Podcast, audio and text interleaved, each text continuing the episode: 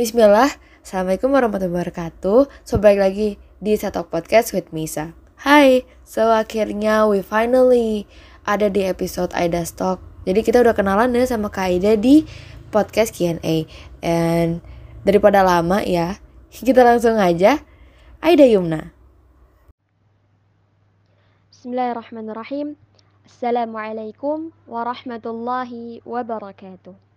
Alhamdulillah الحمد لله رب العالمين والصلاة والسلام على سيد الأنبياء والمرسلين نبينا محمد وعلى آله وصحبه ومن تبعهم بإحسان إلى يوم الدين أما بعد. حياكم الله وبياكم جميعا. الحمد لله الذي بنعمته تتم الصالحات. Kita bisa bertemu lagi di Isa Talk Podcast pada episode perdana Ana. Semoga teman-teman di sini selalu Allah beri kesehatan, la'allakum bi khair, was-sihha wal afiyah was-sa'adah. Teman-teman semua, azan ya Allah wa Insyaallah pembahasan kita kali ini sesuai dengan tema yang ada, yaitu mana yang lebih utama. Kalau kita bicara tentang ilmu, maka ada dua jenis yaitu ilmu dunia dan ilmu syar'i atau ilmu agama. Kalau episode sebelumnya membahas tentang fadail, keutamaan-keutamaan, esensinya, hakikat dan sebagainya dalam menuntut ilmu, nah sekarang kita akan bandingkan. Kita akan bahas tentang dua ilmu tersebut yang mana kita hidup di keduanya, yaitu di dunia dan akhirat. Kita akan bandingkan nih, kira-kira mana sih yang lebih penting, ilmu dunia atau ilmu akhirat? Tayyib, maka kita akan lihat nih urgensinya. Jadi kalau kita berbicara tentang urgensinya, kita berbicara untuk apa? Kalau bicara ilmu dunia, ya untuk hidup di dunia, saat kita hidup di dunia. Berapa tahun? Oke, misalkan 100 tahun mungkin. Kemudian ilmu agama untuk apa? Untuk akhirat kan pastinya. Nah, berapa tahun kita hidup di akhirat nanti? Yang seharinya aja itu sama dengan 1000 tahun, teman-teman. Sehari loh jadi hitungannya itu hidup di dunia yang 100 tahun itu tadi dibandingkan dengan sehari nanti di akhirat itu baru satu per sepuluhnya. Sehari doang. Padahal yang sama-sama kita tahu akhirat itu hidupnya khalidina fiha abadan. Kekal selama-lamanya. Maka kalau bicara tentang dua ilmu ini maka dua-duanya penting. Cuman tingkat kepentingannya aja yang berbeda. Yang satu e, selamanya, yang satu untuk sementara. Dan dari sini aja Ana udah yakin kita udah bisa berpikir mana yang harusnya lebih diprioritaskan. Teman-teman tahu nggak sih orang-orang yang lebih memper, memperhatikan dunianya dari ilmu akhirat yang mana dia akan hidup kekal di dalamnya itu merupakan eh, orang-orang uh, yang Allah tidak ingin kebaikan baginya. Loh, kok bisa? Oke, kita lihat hadisnya ya. Dan mungkin uh, teman-teman udah sering mendengar hadis ini dalam hadis disebutkan bahwa Rasulullah Shallallahu Alaihi Wasallam bersabda, "Mayuridillahu bihi khairan yufaqihu fid din." Barang siapa yang Allah kehendaki kebaikan baginya, niscaya Allah akan jadikan ia faham dalam agama. Di sini kata Ibnu Hajar rahimahullah, "Mayuridillahu bihi khairan." Allah menggunakan kata khairan dengan nakirah litafkhim untuk menunjukkan kalau Allah ingin kebaikan bagi seorang hamba, Allah akan buat dia paham tentang agama. Jadi kalau teman-teman dalam hati tertarik untuk belajar agama, tertarik untuk menuntut ilmu, untuk hadir di majelis ilmu, itu adalah tanda kebaikan. Berarti Allah masih sayang sama kita. Allah masih inginkan kebaikan bagi teman-teman. Nah, sebagian ulama menyebutkan kontekstual dari hadis ini atau maf mafhum mukhalafahnya berarti barang siapa yang Allah ingin keburukan baginya, akan Allah akan buat dia bodoh tentang agama. Karena tadi kan hadisnya mayuridillahu bihi khairan yufaqihu fiddin barang siapa yang Allah kehendaki kebaikan baginya niscaya Allah akan jadikan ia paham dalam agama. Maka mafhum mukhalafahnya atau kebalikannya atau lawannya kalau Allah ingin keburukan pada seorang berarti Allah buat dia bodoh tentang masalah agama. Jadi seseorang itu kalau misalkan dia cinta dengan ilmu agama, tertarik belajar ilmu agama, ilmu syar'i, misalkan senang mendengarkan pengajian agama bahkan sampai membantu urusan dakwah, membantu penyebaran ilmu dan semisalnya, insya Allah ada tanda kebaikan di situ yang Allah berikan pada dirinya. Nah, uh, manusia sekarang nih, terutama anak-anak mudanya, mungkin banyak dari mereka yang lebih concern, lebih perhatian sama ilmu dunianya. Bahkan mungkin sampai ada yang bilang kayak ah ngaji itu urusannya orang tua atau ngaji itu urusannya bapak-bapak dan sebagainya. Terus dibilang cupu lah, nggak gaul, kuno, dan seterusnya. Dan ini bahaya teman-teman. Kenapa? Karena kalau mau jujur ya, ini sebenarnya adalah sifat orang-orang kafir yang dicela oleh Allah. Dalam Al-Quran, surah Ar-Rum ayat 7 Allah menyebutkan, Ya'lamuna zahiran minal hayati dunya, wahum anil akhirati hum ghafilun. Mereka mengetahui yang lahir, yang tampak dari kehidupan dunia, sedangkan terhadap kehidupan akhirat mereka lalai. Dan ini udah gamblang sekali sih menurut Ana, udah cukup jelas. Mereka berilmu, mengetahui tentang hal-hal fisik tentang dunia, namun mereka lalai tentang ilmu akhirat mereka. Dan jangan sampai saat kita berbicara misalkan tentang uh, materi ekonomi, ekonomi makro, ekonomi mikro, tentang fisika, entah itu arus listrik, kemagnetan, atau biologi misalnya, struktur organisme, itu dia pakarnya.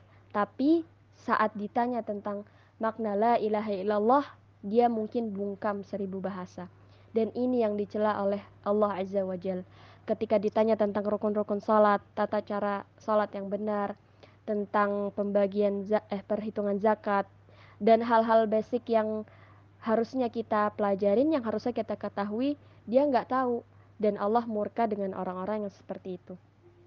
Teman-teman sekalian, azan ya Allah ya jami'an, ada lagi nih yang sama-sama bahayanya, yang sama-sama seremnya. Rasulullah Shallallahu Alaihi Wasallam bersabda dalam hadis yang sahih dari Abu Hurairah radhiyallahu an uh, bahwasanya Rasulullah bersabda, Inna Allah Taala yubghidu kulla alimin bid dunya jahilin bil akhirah Sesungguhnya Allah murka, Allah marah kepada orang-orang yang menguasai ilmu dunia, jahilin bil akhirah, tetapi bodoh terhadap ilmu akhiratnya. Terus kalau ada yang nanya misalnya, tapi dia kaya-kaya aja tuh, dia sukses-sukses aja, maka itu namanya istidraj. Allah ulur, biar azabnya nanti lebih pedih di dalam kubur.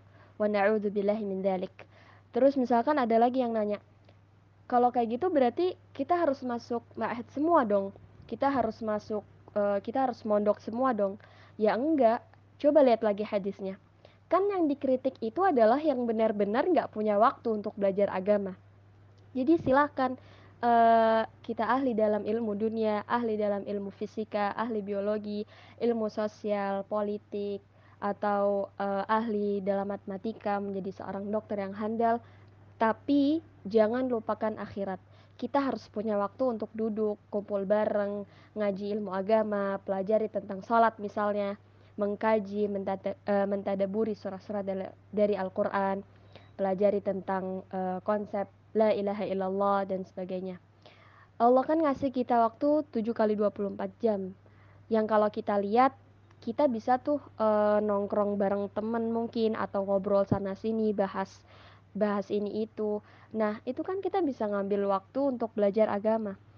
Terus uh, ini juga nih buat teman-teman yang mungkin sekolahnya bukan di ma'had ya atau yang uh, teman-teman yang Allah berikan kecenderungan, kecerdasan dalam memahami ilmu dunia. Maka kosongkanlah waktunya. Paling tidak satu jam atau dua jam lah sehari. Jadi atur waktu yang ada.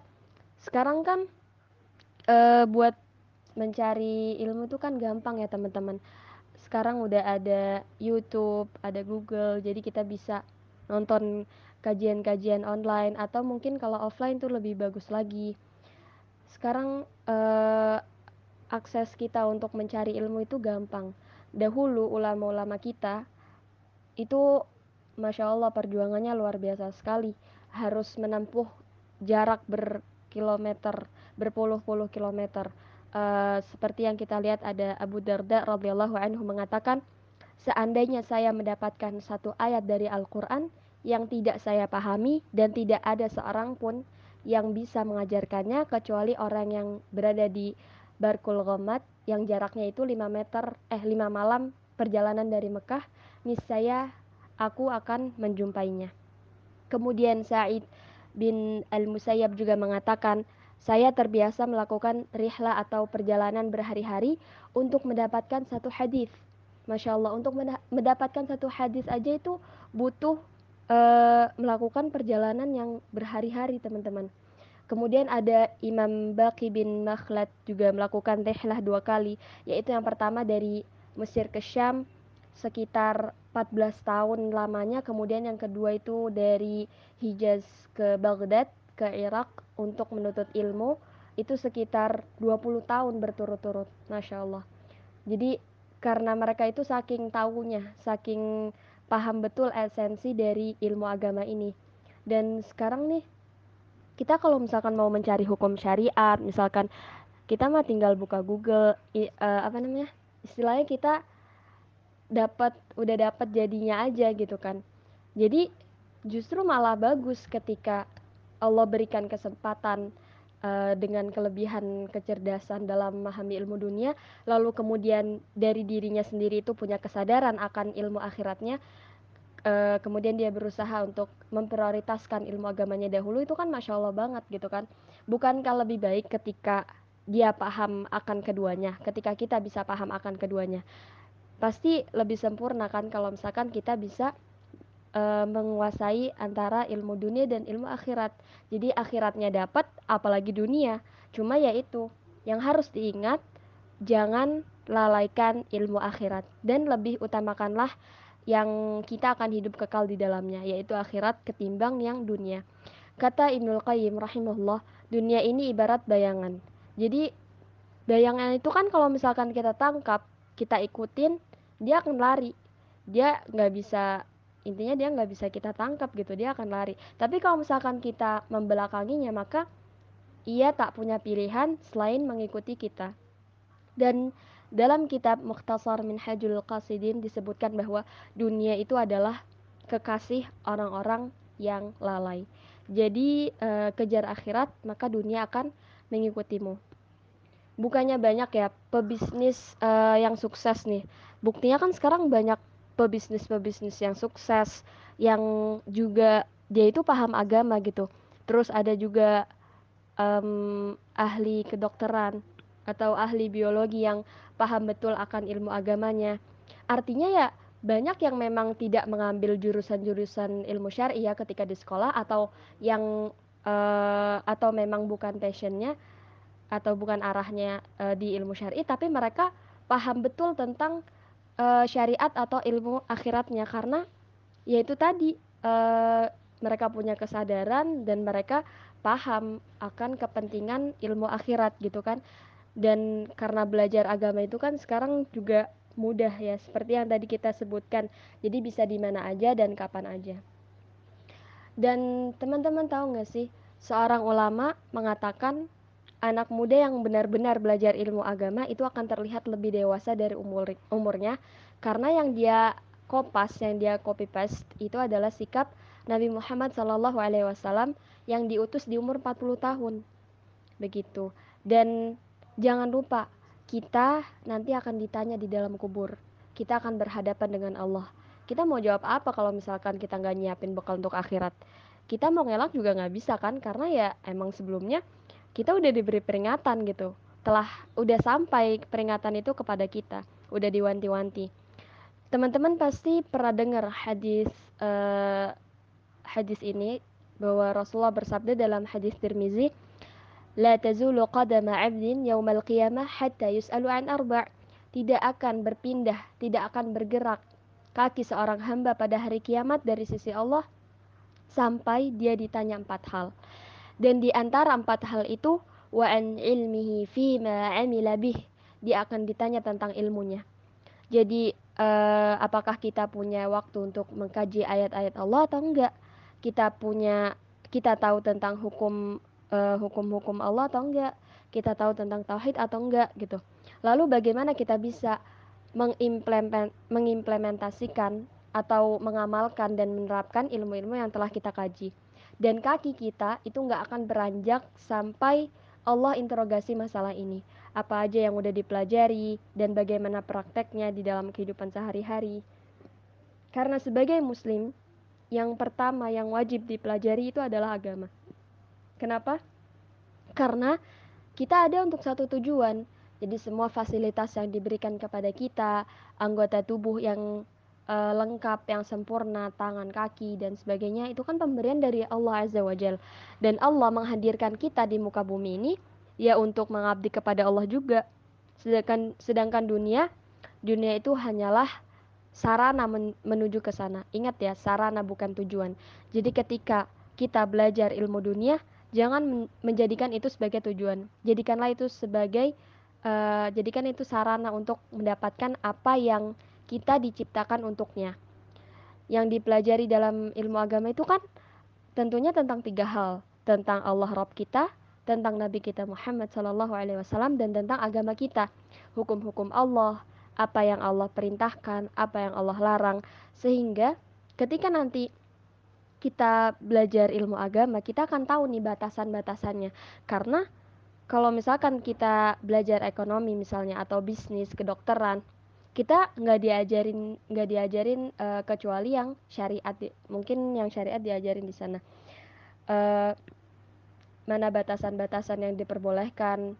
Tapi ketika seorang muslim dan dia uh, sudah punya pegangan ilmu agama, lalu kemudian saat dia kedokteran, saat dia memilih kedokteran misalnya, dia tahu nih, dia udah tahu mana batasan-batasannya sebagai seorang muslim dia diperbolehkan. Kalau teman-teman tahu di kedokteran itu kan ada namanya kode kode etik ya atau prinsip-prinsip uh, sebagai landasan tingkah laku. Dan sebagai muslim, kita kita juga punya nih kode etik itu. Dan itu lebih utama, lebih utama kita ikuti dari semua kode etik yang ada. Karena yang menciptakan kita, dia yang memberikan aturan kepada kita. Apalagi untuk eh, laki-laki uh, nih yang nantinya akan menjadi pemimpin bagi keluarganya, akan menjadi ayah, maka logikanya harusnya uh, dia lebih paham akan ilmu syar'i karena perempuan itu juga sejatinya nanti akan mengikuti. Dan buat akhwat nih, termasuk anak pribadi ya.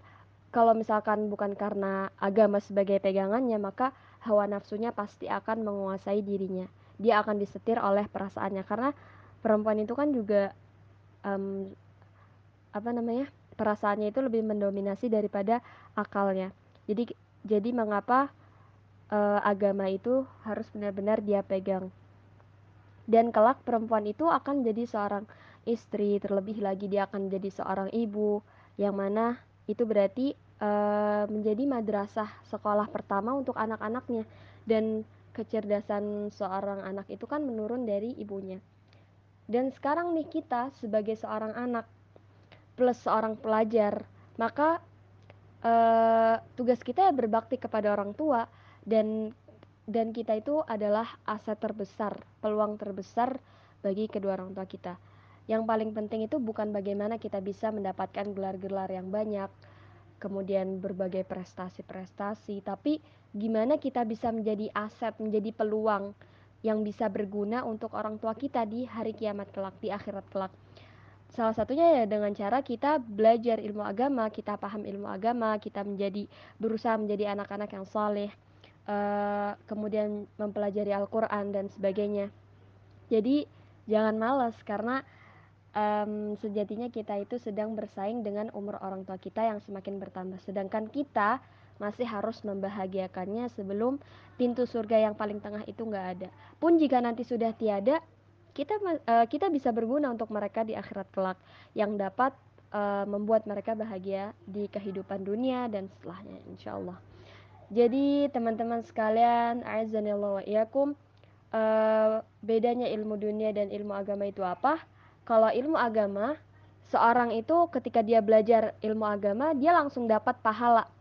Tapi kalau ilmu dunia, tergantung niatnya apa. Kalau misalkan dia pebisnis, kemudian usahanya setengah uh, usahanya setengah mati hanya untuk memperkaya dirinya aja, uh, ya dia dapatnya cuman apa yang dia usahain aja, dia dapatnya cuman dunia aja.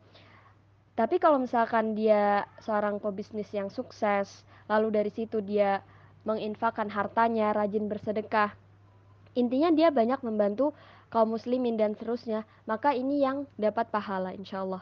Karena ilmu dunia itu tidak berpahala pada zatnya, tapi tergantung uh, ilmu dunia itu dia tidak tidak berpahala pada zatnya, tapi tergantung buat apa. Kalau ilmu dunia tersebut dia gunakan untuk kepentingan Islam dan kaum muslimin, maka dia akan mendapat pahala dari sisi itu. Maka memang ada orang yang diberi kemudahan oleh Allah uh, kecerdasan yang luar biasa dan dia diberi kesempatan untuk melanjutkan studinya misalkan dalam ilmu dunianya. Misalkan S2, S3 dan seterusnya dalam bidang-bidang tertentu yang dibutuhkan oleh kaum muslimin. Maka niatkan ini kaum muslimin perlu saya maka saya harus belajar agar saya dapat memberikan faedah kepada kaum muslimin misalnya. Maka itu bisa berpahala, berpahala bagi dia selama proses belajarnya. Karena dari awal emang dia meniatkan untuk umat Islam Teman-teman sekalian, aizani Allah wa iyakum. Terus bukan karena kita udah tahu lalu kemudian kita meremehkan atau kita merendahkan mungkin ahli-ahli dunia. Enggak, enggak seperti itu konsepnya. Justru kita butuh, kita butuh loh orang-orang yang pintar dunia dan para pakar dalam kehidupan dunia. Jadi bukan semuanya langsung mondok, eh, bukan semuanya langsung eh, mondok ke ma'had, kemudian resign dari pekerjaannya, kemudian yang kuliah keluar dari kampusnya. Enggak, enggak kayak gitu konsepnya. Ya yang seperti dibilang di awal, malah lebih afdol ketika kita bisa mumpuni dalam keduanya. Yang terbaik itu adalah ketika kita belajar keduanya, tapi belajarlah dengan cara di mana keduanya itu akan mendekatkan kita kepada Allah. Jadi ilmu dunia yang kita dapatkan haruslah mendekatkan kita kepada Allah dan niatkan untuk akhirat kita. Bahkan teman-teman, ada sebuah analogi yang dikatakan Rasulullah Shallallahu alaihi wasallam dan ini menarik sekali. Beliau bersabda, "Al-mu'minu lil mu'min kal bunyan yashuddu ba'dahu ba'dha." Mukmin yang satu dengan yang lain itu ibarat bangunan yang saling melengkapi satu sama lain. Jadi kita ini ibarat bangunan yang mana itu harus ada yang berperan sebagai semen, harus ada yang berperan sebagai baja, harus ada yang berperan sebagai pasir, sebagai atap, dinding, genteng. Jadi memang saling membutuhkan, saling menopang satu sama lain, saling melengkapi. Jadi kita butuh nih, kita butuh semua pakar dan semua ahli dalam berbagai macam ilmu dan bidang. Kita butuh semua itu. Tapi yang harus digarisbawahi adalah kita tidak boleh melupakan agama kita. Jadi kita jangan melupakan keimanan kita, tauhid kita, akidah kita kepada Allah. Kita nggak boleh melupakan uh, sholat kita, nggak boleh melupakan zikir kita, Pertanyaannya, kita udah paham semua itu atau belum? Kita udah pelajari semua itu atau belum? Oleh karena itu teman-teman sekalian, azanillahu wa jami'an, silahkan kita belajar ilmu dunia sebaik mungkin, sehebat mungkin, setinggi mungkin, tapi jangan lupakan akhirat. Dan jangan sampai kita kebalik menjadikan akhirat sebagai alternatif kita. Jangan sampai. Karena dunia itu hanyalah jembatan menuju akhirat. Sarana menuju akhirat. Ya artinya membawa kita kepada kehidupan yang kekal. Jadi jangan dibalik. Oke? Okay? Baik, sepertinya udah cukup lama kita membahas masalah ini. Maka kita cukup cukupkan sampai di sini. Yang berbicara ini tidak lebih baik dari yang mendengarkan dan tentunya yang bicara ini masih harus banyak belajar lagi karena pada dasarnya e, sejatinya ini juga tamparan untuk anak pribadi yang semoga bisa sama-sama kita renungi bareng-bareng, kita pikirkan baik-baik, semoga bisa diambil manfaatnya. Kalau ada kesalahan datangnya dari anak sendiri dan dari syaitan, adapun kebenaran adalah milik Allah Jalla Jalaluh. Kurang lebihnya anak mohon maaf. Allah Ta'ala a'lam. Subhanakallahumma bihamdik. Nasyadu ala ilaha illa an. Nastaghfiruka wa natubu ilaik. Barakallahu fikum jami'an. Dumtum fi riayatillahi wa hifdih. Ana Aida Yumna Aulia. Sampai ketemu di episode selanjutnya insyaallah taala. Wassalamualaikum warahmatullahi wabarakatuh.